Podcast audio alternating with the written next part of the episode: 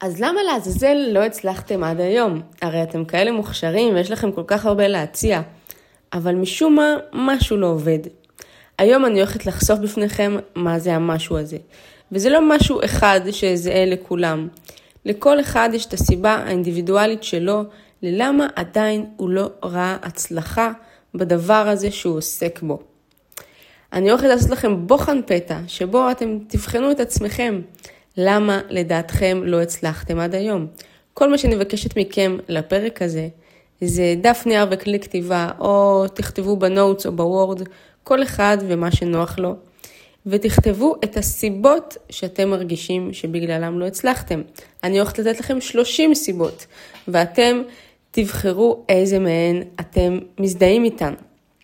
עכשיו, הצלחה זה מדע מדויק. יש גם אלמנטים של מזל, אבל אם אתם עושים הכל נכון, אתם פשוט תצליחו. לכן זה מדע מדויק. אני הולכת לעבור איתכם על 30 סיבות לכישלון, ואתם הולכים לסמן איזה מהן יש לכם. ממה מהדברים האלה אתם סובלים.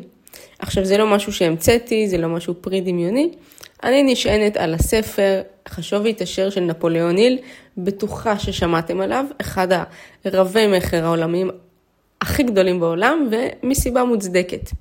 עכשיו, מה זה הספר הזה בעצם, למי שבמקרה לא מכיר, או מי שצריך רענון. בעצם נפוליאון היל במשך 25 שנה ראיין את כל עשירי העולם, הכי גדולים שאי פעם חיו כאן, אה, באושר שמשתווה לאפילו יותר מהעשירים הגדולים ביותר כיום. אז אנשים כמו רוקרפלר, ובאמת האנשים הכי עשירים שחיו כאן אי פעם. בעצם זה כתב שיצא למסע של 25 אה, שנה, שהוא עשה כמה וכמה רעיונות עם כל אחד מהם, וסיכם וזיקק הכל לספר אחד עם המדע המדויק להצלחה. הספר הזה יצר מיליונרים רבים. אתם חייבים לקרוא אותו בלי קשר אה, לפודקאסט הזה, שדרך אגב זה פרק הסולו הראשון שלי, אז אה, מקווה שתהנו ממנו, שהוא לא ראיון, הכוונה. אז בעצם הספר הזה חובה קריאה, יש אותו כמובן בכל חנות וחנות. אמנם הספר נכתב לפני יותר מ-100 שנה, תורגם, לא יודעת, גם בטח לפני כמה עשרות שנים טובות, אז הכתיבה היא מאוד צפופה, המילים מאוד גבוהות, הוא קצת קשה לקריאה, אבל מבטיחה לכם שפשוט מתחבא זהב בין השורות, ולקחתי מהספר הזה המון המון המון המון, ואני מכירה אנשים שבאופן אישי התעשרו מהספר הזה. ועכשיו, בואו נתחיל בבוחן, חברים. תכתבו לעצמכם את הכותרת, מה שאתם רוצים, למה נכשלתי עד עכשיו, כל אחד והכותרת שהוא רוצה לרשום לו, ועכשיו אני אעבור איתכם על 30 הסיבות העיקריות לכישלון, ואתם תבחנו את עצמכם כמה מתוך ה-30, כמה מאלה עוצרות בעדך. מה זה אומר? שאם יש לכם 2, 3, 4 מתוך ה-30, אתם במקום ממש טוב, ואתם יודעים על מה לעבוד. אם יש לכם המון המון או חצי מהסיבות, יש לכם עוד יותר על מה לעבוד. בקיצור, תבחנו את עצמכם, ככל שיש לכם פחות סיבות לכישלון, ככה אתם במקום יותר טוב. נעשה את זה ביחד בסוף. אז בואו נתחיל. הנה ההקדמה על הפרק. הטרגדיה הגדולה של החיים בנויה מגברים ונשים המנסים ברצינות דברים ונכשלים. הטרגדיה נעוצה ברוב הגדול מאוד של הנכשלים בהשוואה למעטים המצליחים. הייתה לי הזכות לנתח כמה אלפי נשים וגברים, כאשר 98% מהם סווגו ככישלונות. אני חושבת שהנתון הזה רלוונטי גם להיום וגם לכל תקופה שאי פעם חיו בה. ש-98% הם פשוט כישלונות על פי ההגדרה של החברה, לא שלנו אישית. אני בעיניי כל עבודה מכבדת בעליה. והוא כותב כך, יש משהו מוטעה מאוד בתרבות ובמערכת החינוך, שמאפשרות ל-98% מהאנשים לעבור את החיים ככישלונות. תסכימו איתי שבבית ספר, בתואר אולי, ובכל מיני מסלולים שהלכתם, במיוחד במערכת החינוך, לא קיבלתם את הכלים הדרושים להצלחה. לא הבנה פיננסית, לא הנהלת חשבונות, לא ניהול עסק, שום דבר שבפועל יעזור לכם. תסכימו איתי. והוא כותב ככה, אולם לא כתבתי ספר זה כדי לומר דברי מוסר על הצודק והלא צודק בעולם. זה יצריך ספר גדול פי מאה מספר זה.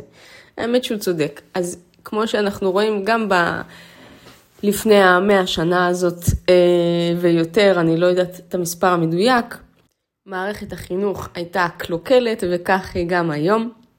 ואם אתם שואלים מה הסיבה לכך, למה למעשה לא מלמדים את זה בבתי הספר, את כל הידע הזה שעכשיו ציינתי, מסיבה פשוטה. העולם צריך עוד עובדים, לאייש עוד משרות במפעלים, צריך עוד נמלים עובדות. למה שהם ייתנו להם את הידע הזה שהם יצליחו בכוחות עצמם? אתה לא רוצה לעשות את זה. אתה רוצה לשמור את הכוח אצל בעלי הכוח כבר עכשיו. אין להם שום אינטרס להכשיר עוד אנשים חזקים שישתלטו על המקום שלהם. אם תרצו בפרק אחר אני ארחיב על ההיסטוריה של מאיפה זה נוצר, למה זה התחיל, מהפכה, מהפכה תעשייתית וכל זה, אבל בואו ניגש למבחן שלנו, אני לא רוצה לחפור לכם על זה יותר מדי בשיעור הזה. הוא ממשיך לכתוב כך, עבודת הניתוח שלי הוכיחה שקיימות 30 סיבות עיקריות לכישלון, ושישנם 13 עקרונות באמצעותם צוברים אנשים הון. בעצם כל הספר הזה נותן 13 סיבות, עקרונות, שבאמצעותם אנשים יתעשרו. אז, אה, ו-30 סיבות לכישלון, אז תבינו כמה אפשר לטעות וכמה אפשר להצליח.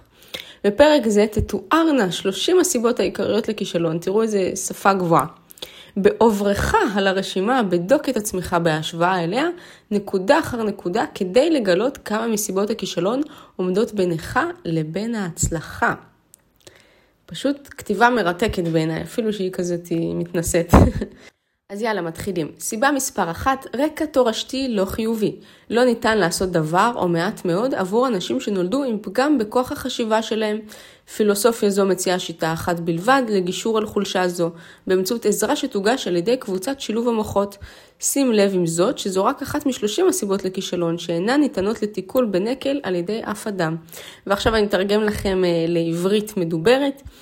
מה זה רקע תורשתי לא חיובי? בקיצור, בעיה ב mindset, mindset שלילי, mindset חלש, חוסר ב mindset אה, של הצלחה. אה, והדבר שיאפשר לכם לפתור את הבעיה הזו, אם אין לכם mindset של הצלחה ופשוט mindset שלילי שפשוט כל הזמן בראש לכם, לא, אני לא מסוגל, אני לא יכול, זה לא בשבילי, אין סיכוי, אני לא ככה, זה mindset שלילי. איך פותרים את זה? באמצעות קבוצה סביבכם, אה, שבעצם דוחפת אתכם קדימה. מה זה אומר? סביבה חיובית, סביבה עם mindset חיובי. איפה מוצאים סביבה כזו? זה יכול להיות קורס, זה יכול להיות תוכנית ליווי, זה יכול להיות איזושהי סדנה, זה יכול להיות חוג, לא משנה לי מה, איזושהי קבוצה של אנשים שדוחפת אתכם קדימה. אתם בטח שמעתם אה, את כל המשפטים האלה, אתה ממוצע של החמש אנשים מסביבך, אם יש אה, חמישה אנשים סביבך שמיליונרים אתה תהיה השישי, בלה בלה בלה בלה בלה, אם כולם עניים סביבך אתה תהיה הבא בתור. יש מלא מלא ביטויים כאלה, וזה נכון מאוד, ועל זה זה יושב. אתם צריכים, אם יש לכם mindset שלילי, להקיף את עצמכם באנשים עם mindset חיובי. אגב, גם אם יש לכם mindset חיובי, אתם צריכים להקיף את עצמכם באנשים עם mindset חיובי כדי לשמור על זה. mindset של הצלחה, אנשים שרוצים לטרוף את העולם, זה מה שאתם צריכים סביבכם. אם אין לכם את זה, אם כל האנשים סביבכם רק מתבכיינים על מר גורלם, לא עושים שום דבר בשביל להצליח, כנראה שאתם לא בסביבה הנכונה. ועוד משפט לסיום, שהוא ככה קלישאתי אבל נכון, אם אתה הבן אדם הכי חכם בחדר, כנראה אתה בחדר הלא נכון. ועכשיו למספר 2. חוסר מטרה מוגדרת היטב בחיים. לאדם שאין לו מטרה מרכזית או יעד מוגדר אליו הוא חותר, אין סיכוי להצליח. ל-98% מהאנשים שניתחתי לא הייתה מטרה כזו. ייתכן שזו הייתה הסיבה העיקרית לכישלונם. זה קצת יותר ברור, ואני באמת מסכימה פה עם כל מילה. לרוב האנשים פשוט אין מטרה, הם לא יודעים מה הם רוצים, והם זורמים עם החיים. עכשיו, שימו לב שרוב האנשים שהם רוצים משהו, אז הם משיגים אותו, כי יש להם מטרה מוגדרת. כאילו, הרבה אנשים שתשאלו אותם, או גם גברים, כאילו עם מי הם רוצים להתחתן פחות או יותר, וכמה ילדים הם רוצים, ובאיזה עיר הם רוצים לגור, אז בדרך כלל הם משיגים את זה, כי בדרך כלל הם יגידו, כן, אני מתאים לגור במושב, ובא לי שלושה ילדים, אה, או שני ילדים, בן ובת, וזה מה שאני רוצה, ואני רוצה חיים רגילים במושב. בדרך כלל הם משיגים את זה ב-100% מהמקרים, נכון? כאילו, מעטים האנשים שאין להם סיבה רפואית, שרוצים שלושה ילדים ולא משיגים את השלושה ילדים בסוף, נכון? כי יש להם מטרה ברורה והם פשוט משיגים אותה. הם מוצאים פרטנר שגם רוצה את אותה מטרה ועושים את זה ביחד. אז למה אי אפשר ליישם את אותו עיקרון על הצלחה אחרת? פשוט צריך להגדיר מטרה ברורה. אם יש לכם מטרה בקשר לכמה ילדים אתם רוצים, או איזה תואר בא לכם לסיים, אבל אין לכם מטרה במה אתם רוצים אה, לעסוק ואיך אתם רואים את עצמכם מצליחים בזה, אז אתם גם לא תשיגו את זה. ועכשיו לסיבה מספר 3, חוסר שאיפה להתרומם מעל הבינוניות. זה נראה לי באמת 99% מהאנשים שאני מכירה זה ככה. איננו צופים תקווה לאדם שאדישתו מגעת עד כדי כך שאינו רוצה להתקדם בחיים ואינו מוכן לשלם את המחיר תמורת זאת. כמה אנשים הכרתי אומרים לא, אני לא רוצה להתפתח, אני לא רוצה לקבל לקוחות מהצד, טוב לי בעבודה הזאת שלי, תן לי את ה-10,000 בחודש ואני מבסוט, אני לא רוצה לעשות יותר מזה, אני לא רוצה שיציקו לי אחרי שעות העבודה, אני לא רוצה להתעסק עם לקוחות, אני לא רוצה לענות לטלפונים, תן לי לעשות את העבודה שלי, לבוא למשרד וללכת בערב ותודה רבה. עכשיו שוב, מי שזה טוב לו, שיהיה לו בכיף, אני האחרונה שתגיד לא. אבל רוב האנשים כן רוצים איזה משהו, אבל לא מוכנים לשלם את המחיר. או אין להם איזושהי שאיפה מעל הבינוניות. אנשים רק רוצים להיות רופא שיניים, אנשים רק רוצים להיות בונת ציפורניים, אבל לא רוצים להיות מספר אחת, זאתי שמעבירה סדנאות בכל הארץ, זאתי שמצליחה בקנה מידה בינלאומי, שמוכרת מוצרים, שהשם שלה הולך לפניה, שפותחת מכללות, אנשים רק רוצים את הלחם שלהם. ולכן הם גם לא מוכנים לשלם את המחיר של לעבוד שעות נוספות ולבנות משהו גדול בחיים האלה. אה, לקחת הלוואה, כל אחד והדברים שלו. אז לרוב האנשים יש את החוסר שאיפה הזו אה, להת, להתעלות על הבינוניות, סמנו אם יש לכם את זה או אין לכם את זה. מספר 4, השכלה לא מספקת. זוהי מגבלה שניתן להתגבר עליה בקלות יחסית. הניסיון הוכיח שאנשים שקיבלו את החינוך הטוב ביותר הם לעיתים קרובות אלה המכונים אנשים שבנו את עצמם, או כאלה שרכשו השכלה בכוחות עצמם. נחוץ יותר מתואר אקדמאי להפוך אדם למחונך. אדם מחונך הוא כזה שלמד להשיג את מה שהוא רוצה בחיים, בלי לפגוע בזכויותיהם של אחרים. השכלה מורכבת לא כל כך מידע, אלא יותר ממידע המיושם ביעילות ובהתמדה. אנשים מקבלים גמול לא רק בעד מה שהם יודעים, אלא במיוחד בעד מה שהם עושים עם מה שהם יודעים. זה היה די ברור בעיניי וזה סופר נכון. השכלה לא מספקת, תראו אם אין לכם את הידע להשיג משהו זה לא בעיה, אתם פשוט יכולים לקנות אותו, ללכת למי שיש לו את הידע הזה, לקחת אה, קורסים באינטרנט, לצפות בסרטונים ביוטיוב, אה, לפעמים לשים כסף אם יש איזה מישהו שממש אה, נותן לכם השראה ואתם יודעים שהוא ייקח אתכם לאן שאתם צריכים להגיע. וזהו, פשוט לקנות את הידע הזה, זה באמת מגבלה הכי פשוטה, כי זה פשוט כסף או זמן, כאילו פותר לכם את זה. אז אם חסר לכם את הידע או ההשכלה הדרושים בשביל לעסוק במה שאתם צריכים, פשוט תפתרו את זה. אה, ותכתבו אם יש לכם את זה או אין לכם את זה. יאללה, נעבור למספר 5. חוסר משמעת עצמית. משמעת מושגת על ידי ריסון עצמי. משמעות הדבר היא שאדם חייב לשלוט בכל התכונות השליליות שלו. לפני שהוא יוכל לשלוט בתנאי החיים שלו, עליו לשלוט בעצמו. שליטה עצמית היא המשימה הקשה ביותר שתיתקל בה. אם אינך שולט בעצמך, תישלט על ידי עצמך. תוכל לראות בעת ובעונה אחת את ידידך הטוב ביותר ואת אויבך הגדול ביותר אם תעבור לפני הראי. אתם מבינים איזה כבד הספר הזה, איזה שפה גבוהה, אני כאילו צריכה לתרגם לכם מעברית לעברית את מה שהוא כותב. בקיצור, אתם צריכים לשלוט בעצמכם, אם, אין, אם יש לכם חוסר משמעת עצמית ואתם לא עושים את מה שהבטחתם, אז אתם פשוט בבעיה. מה זה חוסר משמעת עצמית? נכון שאתם, אם אתם שכירים בהווה או הייתם שכירים, נכון שהבוס אמר לכם, היי, את יכולה לרוקן את הפח הזה, או שאת יכולה להעביר פה ויש, או שאת יכולה בבקשה לטפל במסמך הזה או בטלפון הזה, נכון עשיתם את זה מיד או באותו יום? אז למה שהבטחתם לעצמכם שתקומו היום בבוקר ותצלמו את הסרטון הזה ליוטיוב, או שתעשו את הסרטון הזה לרילס, או תחזרו בשיחת מכירה ללקוח הזה, אתם לא עשיתם את זה? אתם פשוט לא מכבדים את עצמכם, אתם מכבדים אחרים יותר מעצמכם. וזה פשוט חוסר משמעת עצמית. אז אה, כן, תכתבו אם יש לכם את זה או לא. מספר 6 זה בריאות לקויה. שום אדם אינו יכול ליהנות מהצלחה יוצאת דופן ללא בריאות טובה. רבות מהסיבות לבריאות לקויה ניתנות לשליטה. העיקריות שבהן הן אכילת יתר של מזון שאינו טוב לבריאות, 2. הרגלי חשיבה לא נכונים, מתן ביטוי לערכים שליליים. 3. הרגלים מיניים לא נכונים ועיסוק מופרז במין.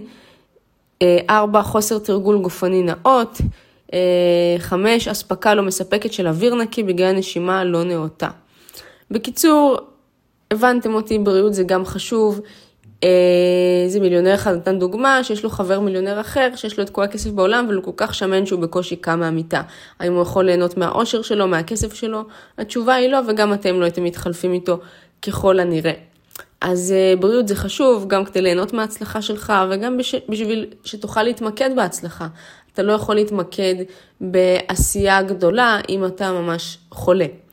אז תכתבו אם יש לכם את זה או לא, אני מניחה באמת שלרוב כאן אין את זה, ו...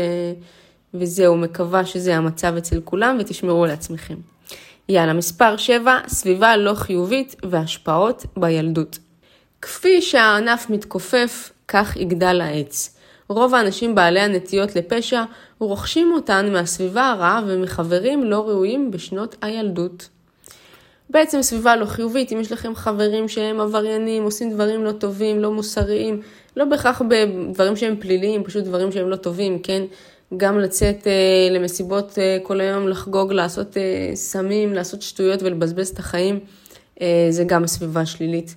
גם אם אה, משהו מהדברים האלה חוקי, אה, אז כן, תבחרו את הסביבה שלכם אה, בקפידה ותסמנו אם יש לכם את זה או לא.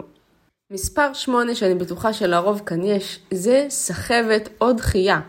זו אחת הסיבות הרווחות ביותר לכישלון. דחייה לזמן מאוחר יותר קיימת אצל כל אדם המצפה שההזדמנות שלו להצלחה תיפול כפרי בשל לידיו. רובנו עוברים את החיים ככישלונות, מכיוון שאנו מחכים לזמן הנכון להתחיל לעשות משהו ראוי. אל תחכה, הזמן לעולם לא יהיה הזמן הנכון. התחל היכן שאתה עומד ופעל בכלים העומדים לרשותך. כלים טובים יותר יימצאו לך בהמשך הדרך. ועכשיו בעברית, רוב האנשים סוחבים ודוחים את כל הפעולות שהם צריכים לעשות, וחושבים שההצלחה פשוט תגיע, למרות שהם דוחים את מה שצריך לעשות בשביל ההצלחה. אז אה, כן, לרוב האנשים יש את זה, ואל תחכו אף פעם לזמן הנכון, אה, שיהיה לי מספיק עוקבים, שיהיה לי מספיק כסף, שיהיה לי בן זוג, שיהיה לי כך וכך. אין זמן נכון, הזמן הנכון הוא עכשיו, בהמשך יהיו לכם יותר כלים. בהמשך כבר הכסף יגיע, תוכלו לעשות יותר דברים, העוקבים יגיעו, תוכלו לעשות יותר דברים. אל תחכו לזה, תתחילו עכשיו. מספר 9, חוסר דבקות במטרה. רובנו מתחילים במצב טוב, אך מסיימים במצב גרוע כל דבר שאנחנו מתחילים בו. יתר על כן, אנשים מועדים לוותר עם הסימנים הראשונים למפלה. על ההתחלה אנשים כבר מוותרים, איך שמשהו קטן לא הולך. אין תחליף להתמדה. אדם ההופך את הדבקות במטרה לסיסמתו, מגלה שהכישלון התעייף לבסוף ועזב אותו. שימו לב, בן אדם שממש עם דבקות במטרה ועושה ועושה ועושה ולא מוכן לקבל לא, מגלה שהכישלון בסוף מתעייף ועוזב אותו. תזכרו את המנטרה הזאת, כישלון אינו יכול להתמודד עם דבקות במטרה. זה הדבר היחידי שמנצח כישלון. תראו גם את הספר, אה, את הסרט, יש גם ספר, כן? אבל תראו את הסרט על מקדונלדס, על המייסד ריי קרוק. הסרט נקרא המייסד בעברית, כאילו עם תרגום לעברית. אה, ספר מדהים, מעורר השראה, והוא אומר אין דבר שיכול לעמוד בפני ההתמדה והנחישות, והוא עושה את זה שוב ושוב ושוב, עד שהוא בסוף מצליח, מי שלא מכיר את הסיפור של ריי קרוק, המייסד של מקדונלדס, אה, לדעתי הוא התחיל את מקדונלדס בגיל 40 ומשהו או 50, הוא היה כזה מוכר מכונות מילקשייק אה, מבית לבית, ממסעדה למסעדה, ממש מנסה למכור את זה לאנשים, ולא בהצלחה רבה. אה, ואז איכשהו באמת חלה תפנית חדה, למרות כל הכישלונות וכל ההפסדים וכל החובות וכל הלא שהוא קיבל מבנקים וכן הלאה, בסוף הוא הצליח לפתוח את רשת המזון המהיר הכי מצליחה בעולם, ואולי החברת הנדל"ן הכי גדולה שאנחנו מכירים. מי שלא יודע, מקדונלדס הם לא מוכרים המבורגרים, הם בעצם חברת נדל"ן. אה, זה המהות שלהם, לא המזון המהיר. זה רק בונוס. אז אה, תראו את הסרט. ותראו מה זה דבקות במטרה, זה פשוט ייתן לכם השראה גדולה. אם אתם סובלים מהבעיה הזו, אז תסמנו כן או לא. אה, עשר, אישיות שלילית. לאדם הדוחה אנשים באישיותו השלילית אין סיכוי להצליח. הצלחה באה על ידי יישום של שליטה, ושליטה מושגת בעזרת עשיית מאמצים משותפים עם אנשים אחרים. אישיות שלילית לא תגרור שיתוף פעולה. חברים, אף אחד מכם לא רוצה לעבוד עם בן אדם שהוא מגעיל באופי שלו, שהוא שקרן, שהוא תכחן, שהוא לא נעים, שהוא מקלל אה, ו- וכאלה. או מתייחס לא טוב לאנשים. אף אחד לא ירצה לעבוד איתכם אם יש לכם אישיות שלילית או פסימית או משהו כזה. אז uh, תקפידו על זה, אני בטוחה שאם אתם uh, מאזינים לפרק הזה, כנראה שאתם אנשים טובים וחיוביים ואין לכם את זה, אז תכתבו מספר 10 אם יש לכם או לא. מספר 11, דחף מיני לא נשלט. האנרגיה המינית היא החזקה ביותר מכל הגירויים המניעים אנשים לפעולה. מכיוון שהיא החזקה ברגשות, יש לשלוט בה על ידי המרה וטיול שלה לנתיבים אחרים. אני אתן לכם דוגמה, נניח עכשיו יש את הבחור הזה, המאמן כדורגל שהצליח בענק בכל העולם, ונחשף שהוא אה, באמת אה, הטריד וביצע כל מיני מעשים מגונים בכל מיני נשים. אה, אז הדחף שלו הרס לו כאילו את הקריירה, יש אליו באמת, ולא בן אדם היחיד. אז uh, באמת, אם לא תיתנו, כאילו לפעמים גם אנשים בשלב מוקדם פשוט לא יגיעו להישגים, אם ייתנו לזה להשתלט עליהם. אני, לרוב האנשים אין את הדחף הבלתי נשלט הזה שהם לא מצליחים לרסן, אבל יש אנשים שזה פשוט אה, הורס להם את הכל. אז אם יש לכם את זה, אתם יכולים לנתב את זה למשהו אחר יותר חיובי. עכשיו מספר 12, וזה משהו שאני רואה פשוט אצל המון המון המון אנשים. תשוקה בלתי נשלטת למשהו תמורת שום דבר. יצר ההימורים דוחף מיליוני אנשים לכישלון. הוכחה לכך ניתן למצוא בחקירת קריסת בורסת וול סטריט ב-1929, בעת שמיליוני אנשים ניסו להרוויח כסף על ידי הימור במכונות המניות. כל כך הרבה אנשים רוצים להצליח בקלות, כן, נקנה ביטקוין, אני אתעשר, אני אעשה ככה, אני אצליח, בלה בלה בלה בלה בלה. פשוט רוצים הצלחה תמורת שום דבר. חברים, אין הצלחה שמגיעה תמורת שום דבר, אתם חייבים להקריב משהו. אם זה הפרטיות שלכם, אם זה הזמן שלכם, אם זה הכסף שלכם. כאילו, אנשים רוצים שהעסק שלהם יתפוצץ ויהיה להם תור של לקוחות, אבל לא ישימו את החסכונות שלהם על אה, פתיחת העסק. אנשים אה, לא מוכנים להשקיע את הזמן, אומרים, למה אני אצלם סרטונים עד שזה יצליח, כאילו עד שישימו לב אליי, אני מתבייש. כאילו, באמת, נתקלתי בכל נראה לי מאות בנות, שגם פנו אליי בשביל אה, לדגמן לחנות שלי, או שרוצות לדגמן בכללי או להצליח באינסטגרם, והפרופיל אינסטגרם שלהם סגור. סגור, אני אומרת לכם private, כאילו אפשר לראות את התמונות. תגידי לי, את רצינית? את רוצה לדגמן, להיות אושיית רשת, להיות מפורסמת שכולם ידעו מי את, ואת סוגרת את הדף שלך ומונעת מאנשים לראות את זה? הפרטיות שלך יותר חשובה לך, את לא מוכנה לסכן את הפרטיות, שיראו את התמונות שלך, מי ישמע, מה יעשו איתן. כאילו, את לא מוכנה לסכן אפילו את זה בשביל שיכירו אותך, אז אין לך סיכוי. אין לך סיכוי. כי אם אתה הדבר הקטן הזה שלחשוף את התמונות שלך, מי ישמע מהטיול לים המלח, אז כאילו מה את רוצה? את לא נותנת כלום בשביל ההצלחה הזאת. אתם יודעים מה אנשים נתנו בשביל הצלחה? כאילו, וואט? אתם גם על הסיפור של סילבסטר סטלון, אם לא אז אני אספר לכם בקצרה. מי שמכיר זה השחקן ששיחק את אה, רוקי המתאגרף.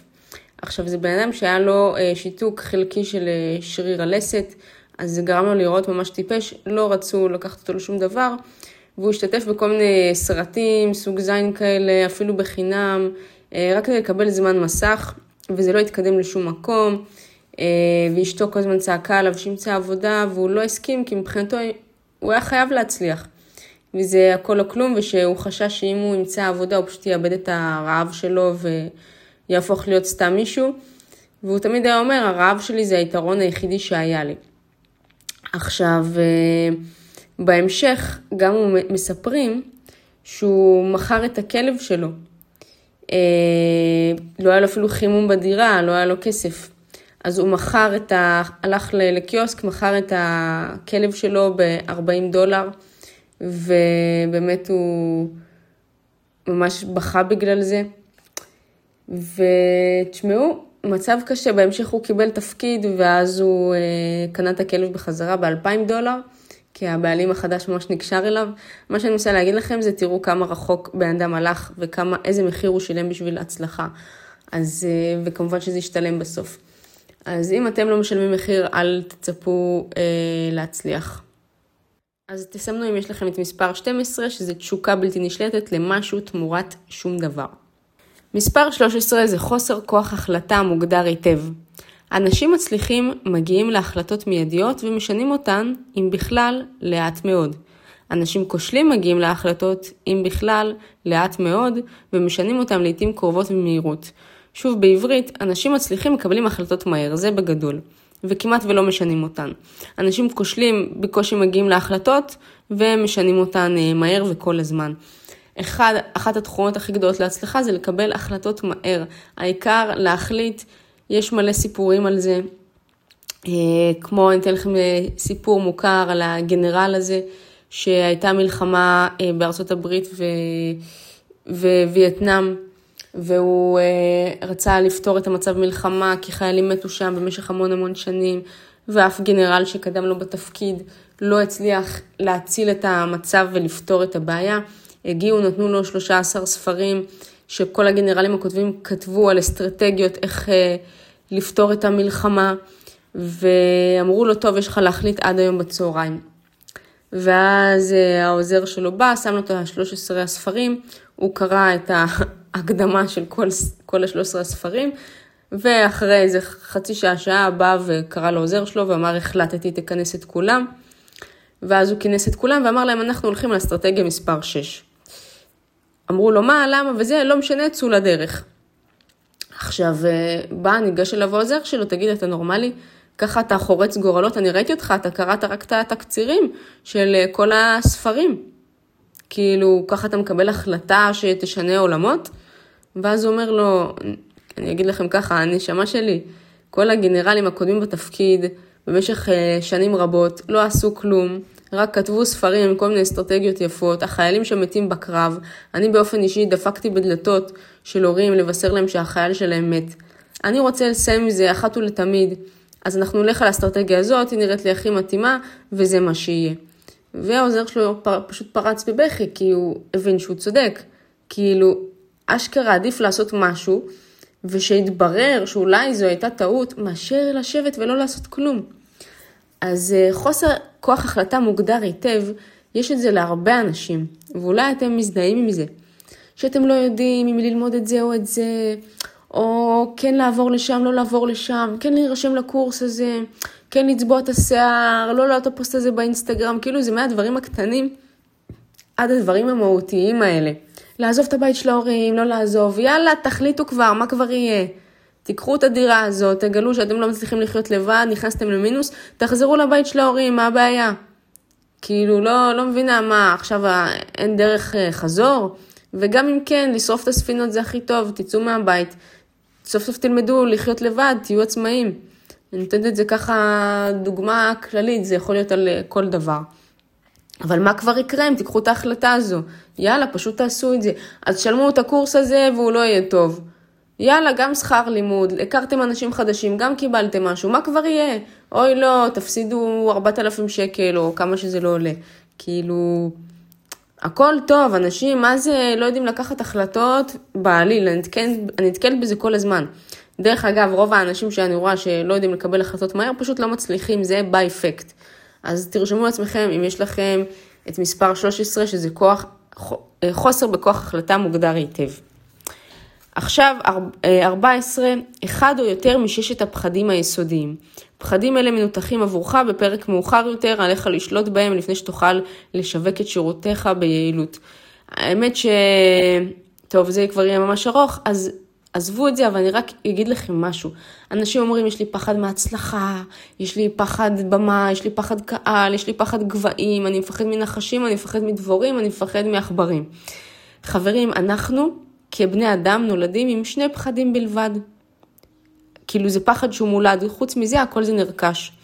אנחנו מפחדים מהפחד מרעשים חזקים והפחד מליפול. סבבה? זה שני הפחדים היחידים שאנחנו נולדים איתם. כל השאר מגיע בהמשך אה, מהחברה, מהמשפחה, מדברים שאנחנו שומעים ורואים, ועד אז אין לנו את הפחדים האלה. תחשבו טוב, נכון, לפעמים אתם באמצע הלילה כזה מתעוררים כי אתם נופלים, או זזים כי אתם נופלים או משהו, נכון, כי זה פחד קיומי שנולדנו איתו. גם תינוק בעריסה, אם תשימו מולו אריה, הוא לא יפחד, כאילו הוא לא יודע שהוא צריך לפחד מאריה. אם הוא ישאג, אז הוא יבכה ויפחד. תינוק, מספיק שתיפול איזה כפית בסלון, הוא ישמע את זה, הוא יתחיל לבכות, כי הוא מפחד מהרעשים החזקים האלה. אה, מספיק שהוא מפחד ליפול, כאילו, כי אם הוא לא יפחד ליפול, אז הוא יזחל על כל מיני דברים ויפול וימות. הפחדים האלה נועדו אה, להגן בעצם על התינוק. בגלל זה אנחנו נולדים עם הפחדים האלה, כי זה נועד להגן עלינו. כל שאר הפחדים רק מסרסים אותנו. אז תזכרו את זה בבקשה, שאין לנו באמת שום פחד, חוץ משני הפחדים שציינתי. כל השאר זה הלבישו עלינו במהלך החיים, ולפעמים זה אפילו לא פחדים שלנו, זה פחדים של מישהו מהסביבה שלנו שסיפחנו לעצמנו. אז אה, בעצם מצידי מספר 14 תרשמו שאני יודע שפחד זה לא אמיתי. אה, יאללה. מספר, ודרך אגב יש עוד ספר לפני שנעבור מספר 15, יש ספר של אושר שנקרא אומץ. אני אספר לכם בקצרה איזשהו משפט מהספר. יום אחד אה, הוא מטפס על הר, ואז הוא אה, מחליק ונתפס על ענף באמצע הלילה. הוא לא רואה את הלמטה, מבחינתו יש תהום שחורה למטה, הוא יודע שאם הוא יעזוב את הענף, הוא ייפול למותו. מחזיק את הענף, נאחז בו כל הלילה, וזה מתאמץ. בבוקר השמש עולה, והוא רואה שהרווח בין הרגליים שלו לקרקע זה רק 15 סנטימטרים. זהו. זאת אומרת שהוא יכל בקלות לעזוב את הענף, לא להתאמץ כל הלילה, לנחות על הקרקע בשלום. זהו. אז, אז זה משל בעצם בספר, שהוא אומר, הפחד הוא לא יותר מ-15 סנטימטרים. זהו. וככה זה כל הפחדים שלנו, אנחנו חושבים שהכל נורא ואיום וזה, הפחד הוא לא יותר מ-15 סנטימטר. זה מה שאתם צריכים לדעת. מי שרוצה תקראו את הספר אה, של אושו שנקרא אומץ. אה, יש לו כמה ספרים בסגנון, אה, זה הכי פופולרי מביניהם. אז מספר 15, בחירה שגויה של בן או בת זוג. חברים, אני רואה את זה אצל חלק מהאנשים, אצל חלק ההפך, אני רואה דווקא בני זוג טובים שדוחפים אותם. אם הבן זוג שלכם מוריד אתכם למטה, כנראה שאתם לא כל כך זקוקים לו, והוא דווקא מזיק לכם יותר מאשר מקדם אתכם. וזו הסיבה מצויה ביותר לכישלון. קשר הנישואים או הזוגיות מביא אנשים ליחסים אינטימיים. אם יחסים אלה אינם הרמוניים, סביר ביותר שהכישלון יגיע. יתרה מזו, כישלון זה יתאפיין באומללות ובסבל ויהרוס כל סימן לשאפתנות. גם אם הבן זוג לא אומר לכם, לא, לא, אל תעשי את זה, את לא יכולה, את מטומטמת וזה, אבל כן, את פשוט אומללה בקשר עם הבן אדם הזה, אז את גם לא תעשי כלום, כי את פשוט אומללה ועסוקה בלריב בוואטסאפ, נכון? אז חברים, יש לכם קשר כזה שכולו ריבים ואף אחד לא תומך בכם ומכבים אתכם, תשימו את הקשר הזה, באמת. אמ, לא יודעת מה, כאילו, היה לי בן זוג שאמרתי לו, אני רוצה השנה להיכנס לפורבס, 30 under 30, והוא אמר לי, נשמה, כאילו, את לא, את לא תיכנסי. אולי עוד כמה שנים, אבל לא עכשיו. עכשיו, עקרונית, הוא צודק, כאילו מה, לא עשיתי הרבה באותה תקופה, ומה, מעכשיו לעכשיו יכניסו אותי? אבל זה שאמרת לי, את לא מסוגלת, את לא יכולה, זהו, כאילו זה, אני נפרדתי ממנו באותו יום. לא יכולתי לשמוע את המשפט הזה, אפילו שהוא צדק בצורה יחסית. אף אחד לא יגיד לי דבר כזה בחיים. וכן, זה עילה לסיום קשר בעיניי. אז אה, תעשו את החושבים שלכם. בקיצור, אה, ראו זאת כהמלצה בלבד. אז תסמנו אם יש לכם את מספר 15, בחירה שגויה של בן או בת זוג. מספר 16, זהירות מופלגת. אדם שאינו מסתכן צריך בדרך כלל לקחת את מה שהשאירו האחרים לאחר שבחרו את בחירתם. מי שראה משחק הדיונון, ראיתם אה, בסוף, בפרק הזה שהם אה, הלכו על הזכוכיות, שהוא בחר את הווסט או מה שזה לא היה, או את המספר, שהוא בחר מספר אחרון, אז אם אתה, אם אתה לא מסתכן ועושה את ההימור ראשון, אז אתה תצטרך לקחת מה שהאחרים השאירו. אתם מבינים? אני אתן לכם דוגמה, אפילו אנשים שהולכים לבר. אה, לא יודעת מה, בחור שרואה מישהי שמוצאת חן בעיניו, והוא יתבייש בפינה ולא ייקח סיכון וייגש אליה. אבל הבחורה הזו מאוד יפה ומרשימה, אז גברים יתחילו לגשת אליה. ואז אה, מישהו ייגש אליה ויקח את המספר שלה ואפילו יישב איתה לדרינק. ואז הוא רואה עוד בחורה יפה, ואז הוא גם יתבייש לגשת אליה ועוד מישהו יתיישב לידה. ואז בסוף מה יישאר לו? המישהי הזאת היא המדוכדכת בפינה שאף אחד לא רוצה לדבר איתה. והיא כבר תבוא ותתיישב לידו, והוא יצטרך להסתפק בזה כי הוא בישל את הדייסה הזו לעצמו, כי הוא היה זהיר מדי. אז uh, תיקחו את המטאפורה הזו לאן שאתם רוצים. זהירות מופלגת אינה רעה כי זהירות לא מספקת. Uh, גם מישהו שהוא כאילו לגמרי טוטלוס ולא נוקט בזהירות זה גם רע. שתיהן קיצוניות ויש להישמר מפניהם, החיים עצמם מלאים ביסוד המזל. חברים, תהיו פחות זהירים, יש המון מזל בעולם הזה. המון המון המון. אם תסכנו את הדברים שלכם, כמו ששמענו בסיפור עם סילבסטר אה, סטלון, אז uh, ההצלחה יכולה לנקוש בדלת. עכשיו, מספר 17. וואי וואי וואי, זה איזה סעיף. בחירה מוטעית של שותפים לעסק. כמה פעמים עשיתי את השטות הזאת. אז uh, זו אחת הסיבות הנפוצות ביותר לכישלון בעסקים. אדם הרוצה לשווק את שירותיו האישיים צריך להקפיד לבחור מעביד מעביד, שיהיה בשבילו מקור להשראה ושיהיה בעצמו נבון ומצליח. אנחנו מחקים את אלה, איתם אנו מתרועעים באופן הקרוב ביותר. בחר במעביד שכדאי לחכותו. לא חייב מעביד, אלא שותף, בן אדם אה, נוסף שעובד יחד איתכם. לאחרונה ניגשה אליי תלמידה ואמרה לי, כאילו לא משנה באיזה תחום, כדי לא ככה לשרוף אותה. אה, בעצם השותפה שלי ואני עושות את זה ביחד, רק התחלנו את העסק, אנחנו עוד לא רואות הכנסה, אבל היא נגיד, היא לא מדברת עם לקוחות, אין לה מושג בתמחורים, והיא לא מוכנה לעשות את שיחות המכירה, ומבחינת הכישרון של העבודה שאנחנו עושות, היא לא עושה משהו שאני לא יודעת לעשות. אז אמרתי, הנשמה, היא לא נחוצה לך. למה? אם בן אדם עוד היה יודע למכור ויודע להביא כסף, אז סבבה, כי אם בן אדם יודע להביא עוד כסף, ואם שנינו הולכים ומביאים כסף, אז יש במה להתחלק. נגיד, היא מוכרת ב-10,000 בחודש והיא מוכרת ב-12,000 בחודש, מעולה, אז יש להם 22,000 שקל בחודש והם יכולות להתחלק, מצוין. אבל אם רק אחת מביאה את הכסף ואת הלחם הביתה כביכול, אז למה היא צריכה את הבחורה השנייה? אם אין איזה כישרון מטורף שלה אין. עכשיו, שותפות צריכה להיות, צריכה להיות כזאת. אני מכירה עסקים שנגיד האחד מתכנת ואיש דיגיטל, והשני כזה הוא רואה חשבון ומבין בפיננסים, ואחד מבין בסושיאל ואינסטגרם וטיק טוק, והשני יוצר, ואחד נוסף הוא יוצר תוכן מעולה, ולא יודעת מה, אחד הוא נגיד צלם, אני הכרתי הרבה שותפויות שפשוט כל אחד מביא את הכישרון שלו, שלשני אין, ואם גם היו צריכים לשלם על מישהו בחוץ לעשות את זה, זה היה עולה הרבה יותר מלהעסיק אותו. כי בן אדם שינהל לך את הסושיאל באופן שוטף, ויעבוד עם משפיענים, וידבר עם סוכנים, ויעשה שיתופי פעולה, וידאוג לשלוח בחינם את כל החבילות וכאלה, זה בן אדם במשרה מלאה. אז לפעמים כדאי שהוא יהיה השותף.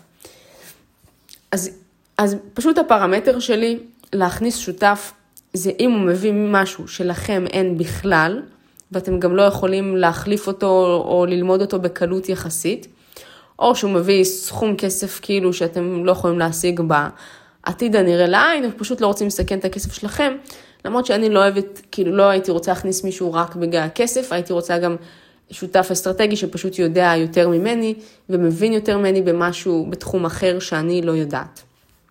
אז uh, תכתבו מספר 17, אם יש לכם שותפים לא טובים לעסק, uh, או שאם בעבר בחרתם uh, שותפים לא טובים לעסק וזה קצת הרס לכם, למרות שאתם עם פנים לעתיד ויכולים uh, לתקן את זה. כמו ששמעון פרס אמר, פנינו לעתיד. אז מספר 18, אמונות תפלות ודעות קדומות. וואו, וואו, וואו, וואו, תרשמו את זה אם יש לכם. אמונות תפלות ודעות קדומות. אמונה תפלה היא סוג של פחד. היא גם מעידה על בורות. אנשים מצליחים שומרים על ראש פתוח ואינם מפחדים מדבר. בגלל שעשיתי קורס NLP, ואז גם קורס NLP master, ואז גם קורס NLP trainer, אז נתקלתי, כאילו הרבה תלמידים עברו שם, אז הכרתי הרבה אנשים, וראיתי כל הזמן אמונות מגבילות שיש לאנשים. אני לא יכולה גם להצליח בעסק וגם להיות אימא טובה. אני לא יכולה אה, כך וכך וכך וכך. אם יש לכם אמונות מגבילות שמנהלות אתכם, וזה בסדר. אה, לכולנו יש אמונות מגבילות, אין דבר כזה שאין לבן אדם אמונה מגבילה. יש אפילו משפט כזה שאומר, אם אתה מאמין שאין לך אמונה מגבילה, אז יש לך אמונה מגבילה. וזה ממש נכון, לכל אחד יש את זה, פשוט השאלה היא כמה זה חמור. כי אם בן אדם אומר, לא, אני נולדתי בפריפריה, אז אני לא יכולה להצליח, או שאני בת למשפחה הזו, אז אני לא יכולה להצליח, ואני סתם בחורה פשוטת עם, אז אני לא יכולה להצליח, ורק בנות שנראות ככה מצליחות, ורק בנות עם כסף מהבית מצליחות, אז אני לא אצליח בחיים שלי, כי אני פשוט לא מאמינה שהדבר אפשרי, ואם אין לי אמונה, אז אין לי כלום. אז אמונות טפלות ודעות אה, קדומות ואמונות מגבילות, זה באמת חסם מאוד גדול להצלחה. אפשר לפתור את זה בטיפולי NLP, מי שרוצה תעשו גם את הקורס. אה, מאוד מאוד מאוד ממליצה. אתם יכולים לעשות איפה שאני עשיתי. ובגדול, אה, חברים, תעבדו על זה, תעקרו את האמונות המגבילות האלה מהשורש, כי הם יחסמו אתכם. פשוט יחסמו לכם את הדרך. אז תסמנו אם יש לכם את זה או לא. מספר 19, בחירה שגויה של מקצוע. אף אדם אינו יכול להצליח בעבודה שאינו אוהב. הצעד היסודי ביותר בשיווק שירותים אישיים הוא לבחור מקצוע שתוכל להשקיע בו מזמנך וממרצך בלב שלם. מה זה אומר, חברים, בחירה שגויה של מקצוע, מכירים את אלה שההורים שלהם אמרו, נשמה, אתה יכול ללכת ללמוד אמנות, אבל תממן את עצמך לבד. אתה רוצה שאני אשלם לך את התואר? לך תלמד משפטים כדי להביא כבוד למשפחה. ואז הרבה אנשים הולכים ללמוד תואר כדי לרצות את ההורים, בדרך כלל משפטים או משהו שהם לא מתחברים אליו. ואז מוצאים את עצמם עם תואר במשפטים, עובדים באיזה משרד, שונאים כל יום בחיים שלהם, והם גם לא מצליחים בזה, כי הם פשוט שונאים כל רגע ורגע. לעומת זאת, שאם הם היו אומנים, הם אולי היו יכולים להצליח בקנה מידה מטורף, כי הם פשוט היו יוצרים כל היום יצירות שעושות להם טוב ועושות בעולם טוב, ומצליחים בענק. אז לפעמים זה בגלל ההורים שלנו, לפעמים בגלל החברים שלנו, לפעמים פשוט עשינו טעות בעצמנו, כי חשבנו שאנחנו אוהבים משהו, ואז הלכנו ללמוד את זה, או התחלנו לעסוק בזה, וגילינו שזה פחות מתאים להם.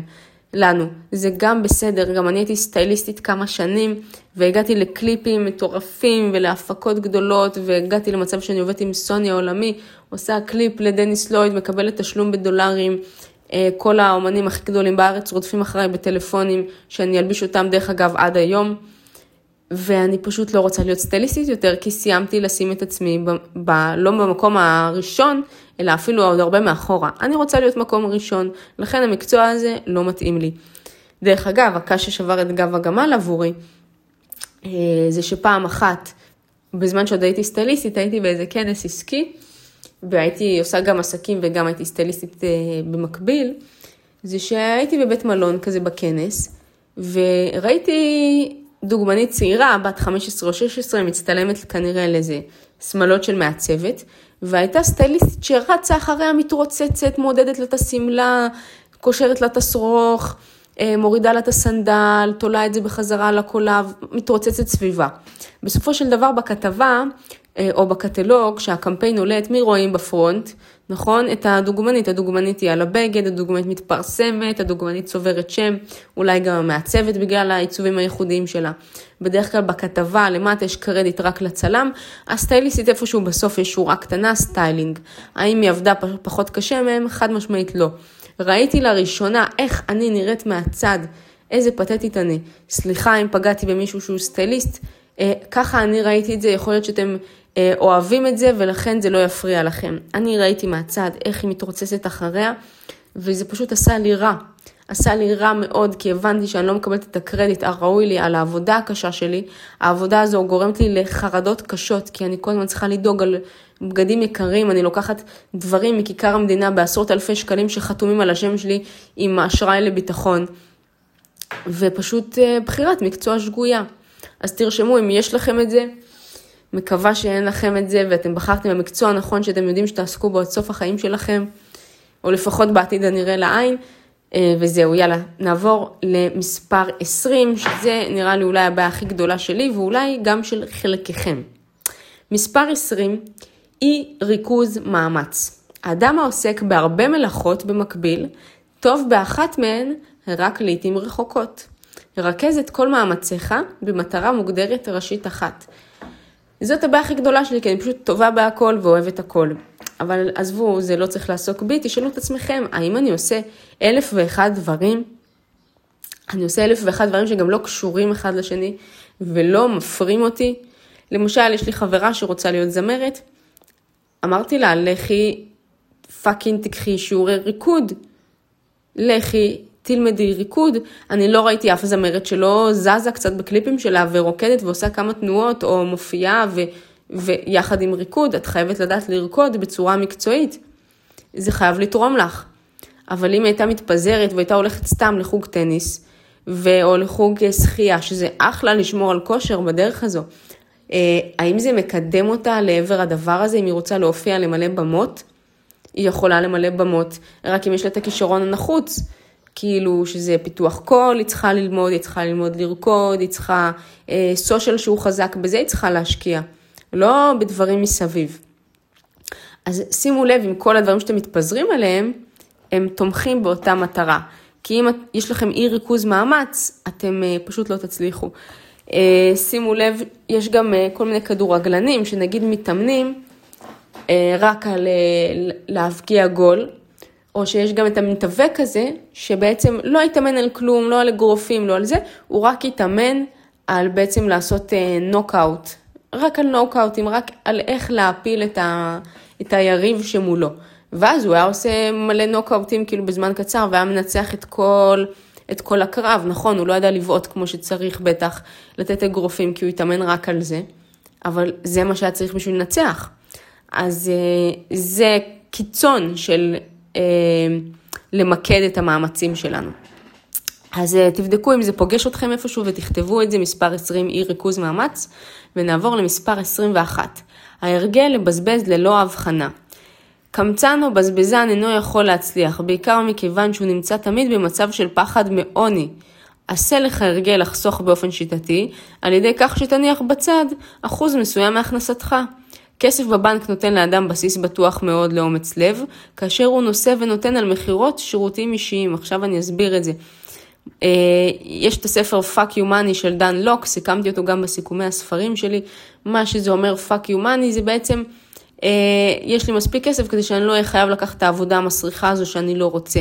אם יש לכם פרויקט שאתם לא רוצים, ויש לכם מספיק כסף בבנק כדי שלא תפחדו אה, שלא יהיה לכם לחם, אז אתם לא חייבים לקחת את העבודה הזו שאתם לא רוצים. וככה אתם לוקחים רק פרויקטים טובים שהם מקדמים אתכם. זה fuck you money במילים אחרות. אה, אז הוא בעצם אומר, בלי כסף על האדם לקחת את מה שמציעים לו ולסמוך על כך שהשיג זאת. אל תיקחו כל דבר, ההפך. דרך אגב, כשהתחלתי באינסטגרם, במשך שנתיים לא לקחתי אף קמפיין ואף עבודה ואמרתי לא להכל. גם בכסף לא הסכמתי לפרסם סודה בטעמים. רצו להציע לי כאילו סכום יפה על אה, תמונה עם סודה, לא הסכמתי. אחר כך... אה, הציעו לי כל מיני כפכפים מתקפלים, כל מיני שטויות כאלה, ואמרתי, זה לא יקדם אותי למטרה שלי.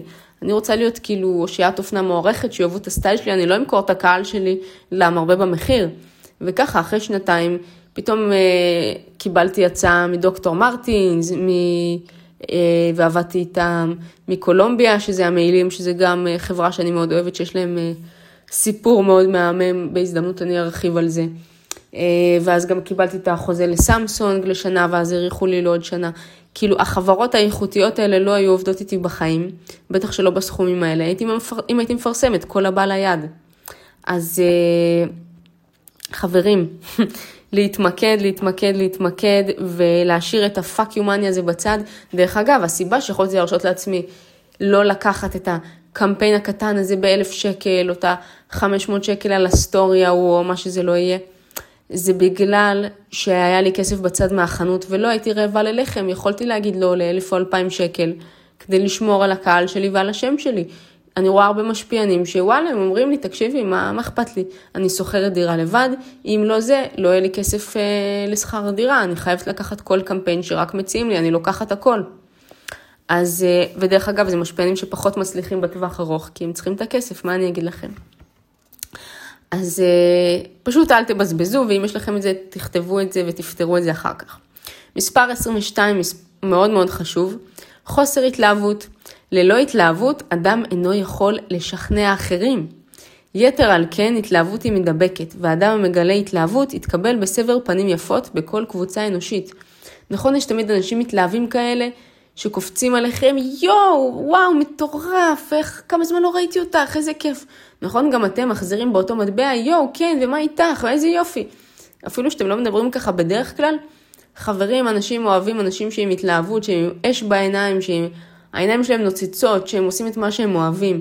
אם אתם לא ככה, תחליפו מקצוע, תעשו משהו אחר או שתתחילו להתלהב.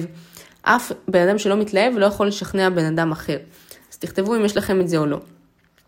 מספר 23. חוסר סובלנות. אדם עם מוח סגור לגבי נושא כלשהו, יתקדם רק לעיתים רחוקות. חוסר סובלנות משמעותו היא שאדם הפסיק לרכוש ידע. הצורות המזיקות ביותר של חוסר סובלנות הן אלה הנוגעות למחלוקות בענייני דת, גזע ופוליטיקה. כל מיני אנשים שהם אה, נגד הומואים לצורך העניין, או נגד איזשהו גזע מסוים, אה, או לא יודעת, כמו היטלר מן הסתם שזה הביא למוות שלו, אז אה, זה פשוט מה שיעצור אותם מלהצליח. כאילו בהתחלה היטלר עשה טוב בגרמניה, מבחינת ההשכלה והכוח של גרמניה, עד שהוא התחיל להיות גזען ולהיות עם מוח סגור, והתעסק לא בדברים שהוא היה צריך להתעסק בהם. בנוסף, חוסר סובלנות זה גם יש אנשים שאומרים שהם יודעים הכל וכאילו הם לא צריכים יותר, זה ממש ממש טעות. כאילו הייתי פעם בסדנה של איזה מעצב שיער, ואז שאלו אותו, תגיד, יש כאילו תסרוקת שאתה לא יודע לעשות, כאילו אתה הולך גם לסדנאות בעצמך אולי? הוא אומר, לא, אני לא צריך, אני כאילו כבר יודע איך עושים הכל, אני רואה תמונה, אני כבר יודע איך לעשות את זה, וכאילו זהו, אני לא, אני לא הולך לסדנאות, כאילו אין לי כאילו יותר מה ללמוד. הוא באמת מאוד מאוד מקצועי, ואני כאילו שמעתי את זה, וכאילו מצד אחד אני מצדיקה, מצד שני אני אומרת, בואנה, לא, לא, וואלה, אתה יודע מה? לא. נכון, יש לך עיצוב שיער פנומנלי. מצד שני, מצד שני, אתה לא יודע הכל על כל התחום, אולי אתה עושה תסרוקות מדהים, אבל אין לך שיטה ייחודית משלך, משהו שהעולם עוד לא ראה לפני כן, שזה משהו שאתה יכול לפתח, אין לך איזה טרנד תסרוקות שהתחלת, אין לך שם בינלאומי באינסטגרם או משהו כזה, אתה יכול ללכת ללמוד שיווק, אתה יכול ללכת ללמוד סושיאל ולפתח את זה. אתה לא עובד עם כל הכוכבות בארץ, אולי תלמד את זה, אולי תיקח חברת יחסי ציבור ותלמד איך עושים את זה. תמיד יש לאן להתקדם. אז לחשוב אני יודע הכל, ממש לא יקדם אתכם לשום מקום אחר, ואם תחשבו שאתם הכי טובים, מישהו אחר יבוא ויוכיח לכם אחרת. אז תכתבו את זה, מספר 23 חוסר סובלנות אם יש לכם. ומספר 24 זה הפרזה. הצורות המזיקות ביותר של הפרזה קשורות באכילה, שתייה מרובה ופעילות מינית, התמכרות לאחת מאלו קוטלת כל הצלחה. אה, מקווה שאין לכם אף אחד מזה, תסמנו את זה ונעבור הלאה. 25 זה אי יכולת לשתף פעולה עם אחרים. יותר אנשים מאבדים את משרתם ואת ההזדמנויות הגדולות שלהם בחיים מסיבה זו, מאשר מכל הסיבות האחרות גם יחד. זהו פגם שאף איש עסקים או מנהיג מבין דבר אינו מוכן להתייחס אליו בהבנה. תשתפו פעולה עם אנשים, אתם לא יודעים לעבוד עם אנשים, כנראה שתישארו זאבים בודדים ולא תוכלו להצליח בענק, כי כל הצלחה גדולה היא תלויה בעוד אנשים, אתם לא יכולים להצליח בלי אנשים. אז כדאי שתדעו לשתף איתם פעולה ולהתנהל איתם. 26. כוח שלא הושג במאמץ עצמי. משמע הבנים ובנות של עשירים ואחרים שירשו כסף שלא הרוויחו בעצמם. הימצאות כוח בידיים של מי שלא זכה בו בהדרגה, פוגעת לפעמים בהצלחה. אם יש לכם איזה כוח מטורף שככה ירשתם ולא עשיתם לבד, אולי אתם לפעמים לא מעריכים אותו, וזה יגרום לסיבה לכישלון ואי הצלחה מרובה אחר כך. אה, יש איזה סיפור אה, מוכר בהיסטוריה על זה, טוב עזבו, אני לא, לא ארחיב על זה, אני בטוחה שהבנתם את זה, ובאמת ל-90% מהאנשים זאת לא הבעיה שלהם. הבעיה היא בדרך כלל הפוכה, שהם באו מכלום. עכשיו, מספר 27, חוסר יושר מקוון.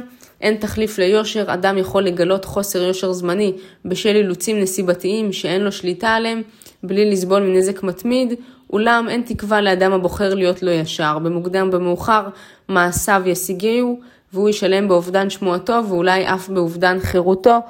אה, דוגמה טובה ראינו כך עם אה, חברת המוזה, אה, שנתקלנו בסיפור, שזה היה אנשים שהיו סבבה והיו מוכרים והכול, אבל בעצם חוסר יושר זמני זה נגיד, לא יודעת מה, אה, מה שקיילי אולי עשתה, לזייף את הדוחות של ההכנסות שלה כדי לעשות אקזיט גדול, וגם על זה היא שילמה באיזשהו אופן. אבל הם עכשיו נגיד איבדו ממש את השם שלהם, אה, בגלל מה שהם עשו, ויש עוד הרבה נוכלויות כאלה. אה, אני לא יודעת מה קרה שם, האמת לא ראיתי לא את הסרט, לא את הסדרה, לא את הפרק, אין לי מושג, רק ראיתי מהתקשורת. אבל באמת ליושר אין תחליף, ואני מניחה שזה גם לא הסיבה של רובכם. מספר 28 זה אנוכיות וגאווה. תכונות אלו מהוות אור אדום המזהיר אחרים לשמור מרחק, הן קוטלות הצלחה. זה גם סיבה שלדעתי פחות מכם יש, אבל אל תחשבו שאתם הכי טובים, שאתם יודעים הכל, ותהיו אנוכיים ולא תשימו על, על אחרים ועל העובדים שלכם, ותהיו אובר ככה עם גאווה ויהירות וחזה נפוח. מספר 29, ניחוש במקום חשיבה. רוב האנשים אדישים או אצילים מדי מכדי לאסוף עובדות שיסייעו להם לחשוב חשיבה מדויקת. הם מבקרים לפעול על ידי דעות שנוצרו מתוך ניחושים או שיקולים מהירים שלהם. הרבה אנשים באמת פועלים מתוך ניחושים במקום לברר מה באמת עובד, מה באמת פועל. אתם יכולים לנחש עד מחר ולחשוב שאם ראיתם סדנת מבוא או שידור לייב של שעתיים או איזשהו אה, פגישת הכנה לקורס, אז ראיתם הכל ואתם יודעים הכל ועכשיו אתם יודעים לעשות את זה לבד. לא, אתם פועלים מניחושים ולא מעובדות, אז אתם צריכים לסדר את העובדות שלכם ולהגיע מוכנים. אה, מספר 30, חוסר הון.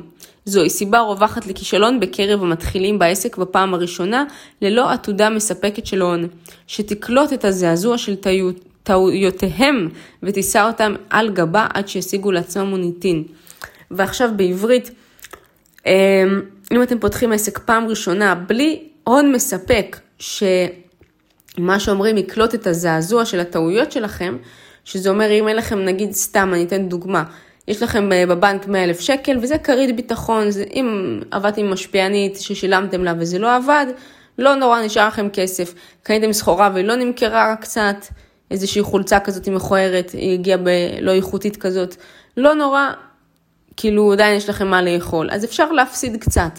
אז אם אין לכם הרבה כסף, נגיד התחלתם את העסק עם, אה, לא יודעת מה, התחלתם למכור כיסויים לטלפון, ויש לכם עוד 5,000 אה, שקל בחשבון, והוצאתם את ה-5,000 שקל אה, על האתר, ועכשיו אין לכם לשיווק ואף אחד לא קונה את הכיסויים שלכם, אז אה, נדפקתם והרבה פעמים אתם תרימו ידיים, אתם צריכים לחכות שיהיה לכם עוד כסף. ואו אם עשיתם טעות, אז נשרף לכם העסק כי אין לכם כסף. אז אתם צריכים קצת כסף בשביל אה, להתחיל. אפשר להתחיל גם בלי כסף, כן? אבל עדיף שיהיה לכם כמה שקלות בצד. אה, וזהו, ב-31 זה שונות, תחת כותרת זאת אתם יכולים לרשום כל סיבה מיוחדת לכישלון שממנה אתם סובלים, שלא נכללה ברשימה שציינתי. אני אעבור איתכם על הכל בקצרה, ותיתנו לעצמכם ציון. אתם יכולים לכתוב לי אחר כך אה, מה יצא לכם, אתם לא חייבים, הכל בסדר. אבל רק תבחנו את עצמכם ואני מקווה שכבר הבנתם על מה אתם צריכים לעבוד. אז מספר אחת, רקע תורשתי לא חיובי, זאת אומרת mindset שלילי, תכתבו אם יש לכם. שתיים, חוסר מטרה מוגדרת היטב בחיים. שלוש, חוסר שאיפה להתרומם מעל הבינוניות, תכתבו אם יש לכם את זה. מספר ארבע, אה, השכלה לא מספקת. מספר חמש, חוסר משמעת עצמית. מספר שש, בריאות לקויה. מספר 7, סביבה לא חיובית והשפעות בילדות. מספר 8, סחבת או דחייה. מספר 9, חוסר דבקות במטרה. מספר 10, אישיות שלילית. מספר 11, דחף מיני לא נשלט. מספר 12, תשוקה בלתי נשלטת למשהו תמורת שום דבר. מספר 13, חוסר כוח החלטה מוגדר היטב. מספר 14, אחד או יותר מששת הפחדים היסודיים, לא משנה, דלגו על זה. מס, כאילו, אם הפחד פחות עוצר אתכם, תכתבו פשוט פחד אה, מוגבר, מספר 14. מספר 15, בחירה שגויה של בן או בת זוג. מספר 16, זהירות מופלגת, אי לקיחת סיכונים. מספר 17, בחירה מוטעית של שותפים לעסק. מספר 18, אמונות טפלות ודעות קדומות. מספר 19, בחירה שגויה של מקצוע. מספר 20, אי ריכוז מאמץ. מספר 21, ההרגל לבזבז ללא הבחנה. מספר 22, חוסר התלהבות. מספר 23, חוסר סובלנות. מספר 24, הפרזה. מספר 25, אי יכולת לשתף פעולה עם אחרים. מספר 26, כוח שלא הושג במאמץ עצמי. 27, חוסר יושר מכוון. 28, אנוכיות וגאווה. 29, הניחוש במקום חשיבה. 30, חוסר הון. ו-31 שונות אתם יכולים להוסיף משל עצמכם. מקווה שיש לכם כמה שפחות מהדברים שציינתי, או לכל הפחות שהבנתם מה אתם עושים לא נכון, כדי שתוכלו לשנות את הדרך שלכם וכן להצליח. תודה רבה שהקשבתם עד כאן ונתראה בפרק הבא של מי קמונסקי יודעת. ביי ביי.